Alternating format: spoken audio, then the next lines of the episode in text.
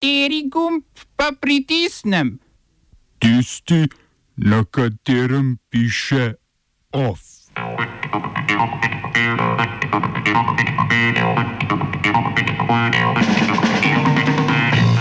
Yoshihida Suga postal novi japonski premijer. Barbados bo odstavil Elizabeto II. z položaja vode države in postal republika. Sodni svet podal uradno pobudo za spremembo pristojnosti imenovanja sodnikov.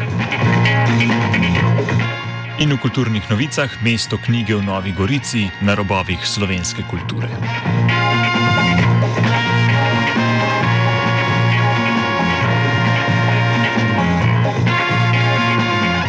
Spodnji dom japonskega parlamenta je izvolil Yoshihida Sugo za novega japonskega premijeja. Suga iz vrst vladajoče liberalno-demokratske stranke bo nasledil premijeja z najdaljšim mandatom doslej Šinca Abeja, ki je konec avgusta odstopil zaradi zdravstvenih težav. Novi premijer napoveduje, da bo nadaljeval slavne politike njegovega predhodnika, pod katerim je služil kot generalni sekretar vlade in vladni tiskovni predstavnik. Abe je leta 2013, ko je bila Japonska v globoki ekonomski krizi, upeljal novo politiko, znano kot Abekonomika. V okviru nove strategije je vlada izrazito povečala javno porabo in izdajala velike stimulativne pakete, s katerimi so po globalni ekonomski krizi želeli ponovno zagnati gospodarstvo. Suga zdaj namerava s podobnimi taktikami obuditi gospodarstvo prizadeto zaradi epidemije. V svojem ministerskem kabinetu bo obdržal številne ministre iz prejšnje vlade. Poleg tega sa, se sam zauzema za birokratsko reformo in splošno digitalizacijo, z novimi kmetijskimi ter turističnimi politikami pa ima namen pomagati ruralnim skupnostim.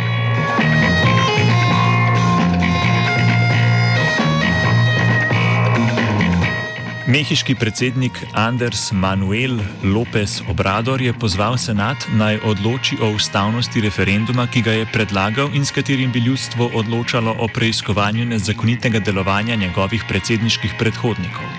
Referendum mora sicer potrditi tudi kongres, predstavlja pa bi naj obtožbo sistemske korupcije in konservativnih ekonomskih programov, zaradi katerih v državi vlada močna neenakost. Lopez Obrador je na svoji vsakodnevni novinarski konferenci pet nekdanjih predsednikov države iz vrst centrističnih in konservativnih strank, ki so jo imeli v rokah. Ki so imeli v rokah oblast od leta 1988, obtožil bogatenja na račun države, privatiziranja državne lastnine in vse splošne korupcije.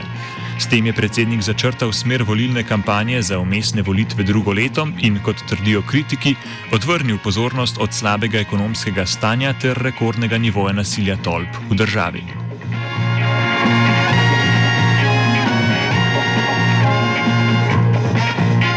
Svetovna trgovinska organizacija z angliško kratico VTO je ugodila pritožbi Kitajske glede ameriške uvedbe carin iz leta 2018 na kitajsko blago v vrednosti 250 milijard dolarjev.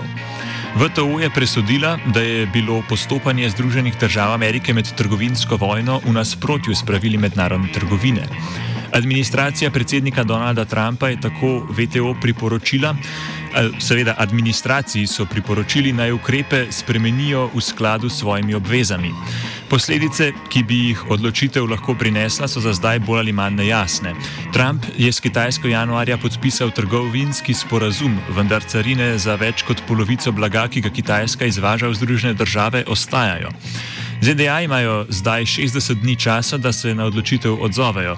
Kakršnakoli bo končna razsodba, verjetno ne bo imela praktičnega učinka, glede na to, da Trumpova administracija aktivno blokira delovanje pritožbenega organa VTO, odgovornega za to vrstne pritožbe in trgovinske spore. Odkar je Trump v Beli hiši, administracija ne želi imenovati novih članov v omenjeni organ. VTO bi lahko odnose neutralizirala tako, da bi Kitajski omogočila povračilne ukrepe proti Združenim državam, ki pa jih je Kitajska tako ali tako že sprejela.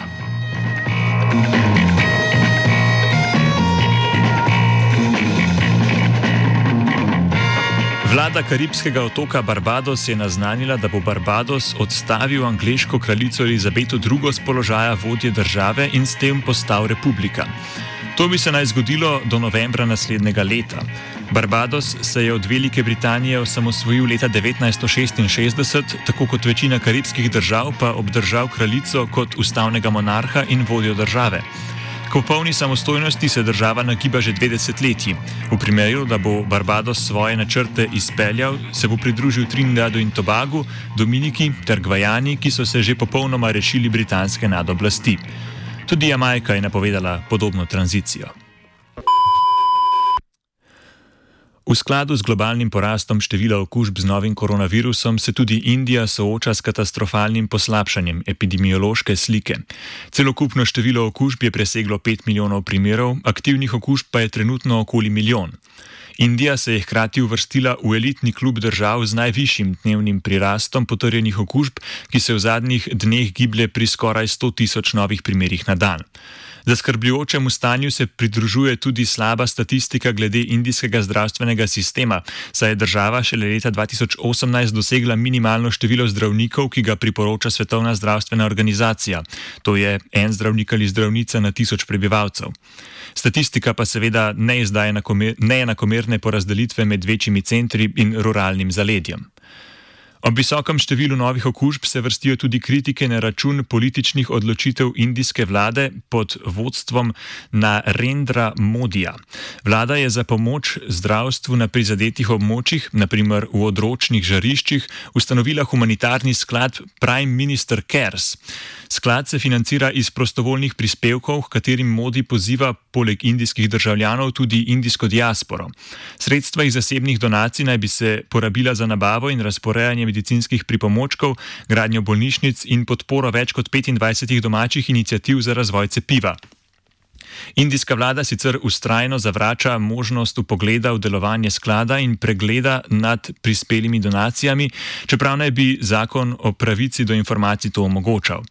Poleg pomankanja transparentnosti pri dodeljevanju sredstev medicinske opreme in razporejanju osebja, pa projekt pesti tudi zloraba sklada za financiranje projektov v epidemiološko manj, politično pa bolj zanimivih regijah države. Oba, če, bom odgovoril na angliški. Slovenija will try to help. We can Slovenija will and we will do our utmost To say that the situation is our problem ourselves. and uh, We will make further steps as soon as the conditions are bomo vlado Marjana Cererja, Mira- eh, Marjana Cererja Šarca podprli. uh, very, very serious. we know how and we will.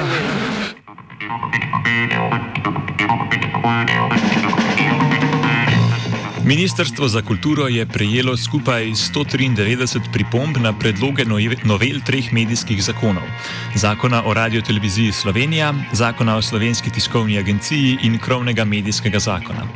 Zainteresirana javnost opozarja na neprimernost predlaganih rešitev že od trenutka objave. Pripombe, ki so jih podali, se dotikajo tako rekoč vseh področji urejanja v novelah.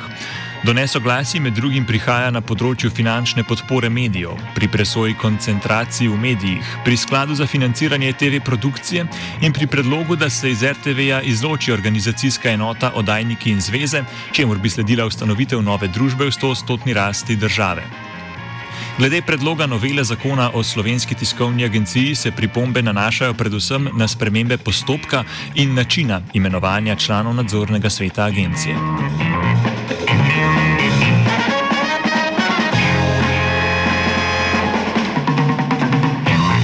Sodni svet je podal uradno pobudo za spremembo ustave in zakona o sodniški službi. Predlagajo, da se pristojnost za imenovanje sodnikov z državnega zbora prenese na drug ustavni organ. Pobudo sveta podpirajo tudi na vrhovnem sodišču, ki se za to vrstne spremembe zauzema že dlje časa. Opozarjajo, da je zdajšnji sistem imenovanja sodnikov nesprejemljiva ureditev v pravnem prostoru Evropske unije. Postopke kandidatur sicer vodi sodni svet in potem državnemu zboru predlaga v imenovanje kandidata za sodnika, potrditev strani poslancev pa je načeloma zgolj formalnost. Do odstopanja od ustaljene prakse je na zadnje prišlo poleti letos, ko je državni zbor zavrnil dr. Primoža Gorkiča, kandidata za vrhovnega sodnika, kritika sodbe ustavnega sodišča v zadevi Patrija. Umik imenovanja sodnikov iz parlamenta je mogoče spremeniti samo z ustavo, za kar je potrebna dvotretinska večina glasov. Pretiranega interesa za spremembe med strankami nikoli ni bilo, tokratna opozicija glede problema za zdaj molči, v koaliciji pa za pobudo z izjemo SNS bolj ali manj podpirajo. Levica je že dlje časa mnenja, da bi morali kandidate potrjevati predsednik republike.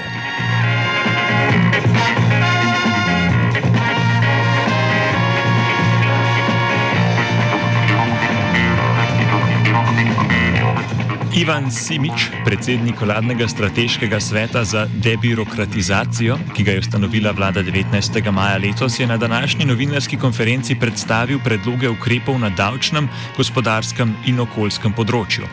Na davčnem področju izstopata predvsem predloga, ki uvajata en uplačilni račun za akontacije dohodnine in socialne prispevke in novi šest dohodnin, šesti dohodninski razred z desetodstotno davčno stopno za dohodke oziroma davčno osnovo nad milijonom evrov, s čimer računajo, da bi se v Slovenijo vrnili številni športniki in poslovneži.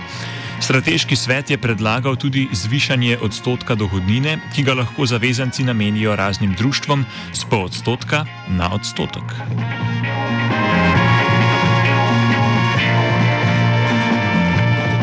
OF je pripravila Aida.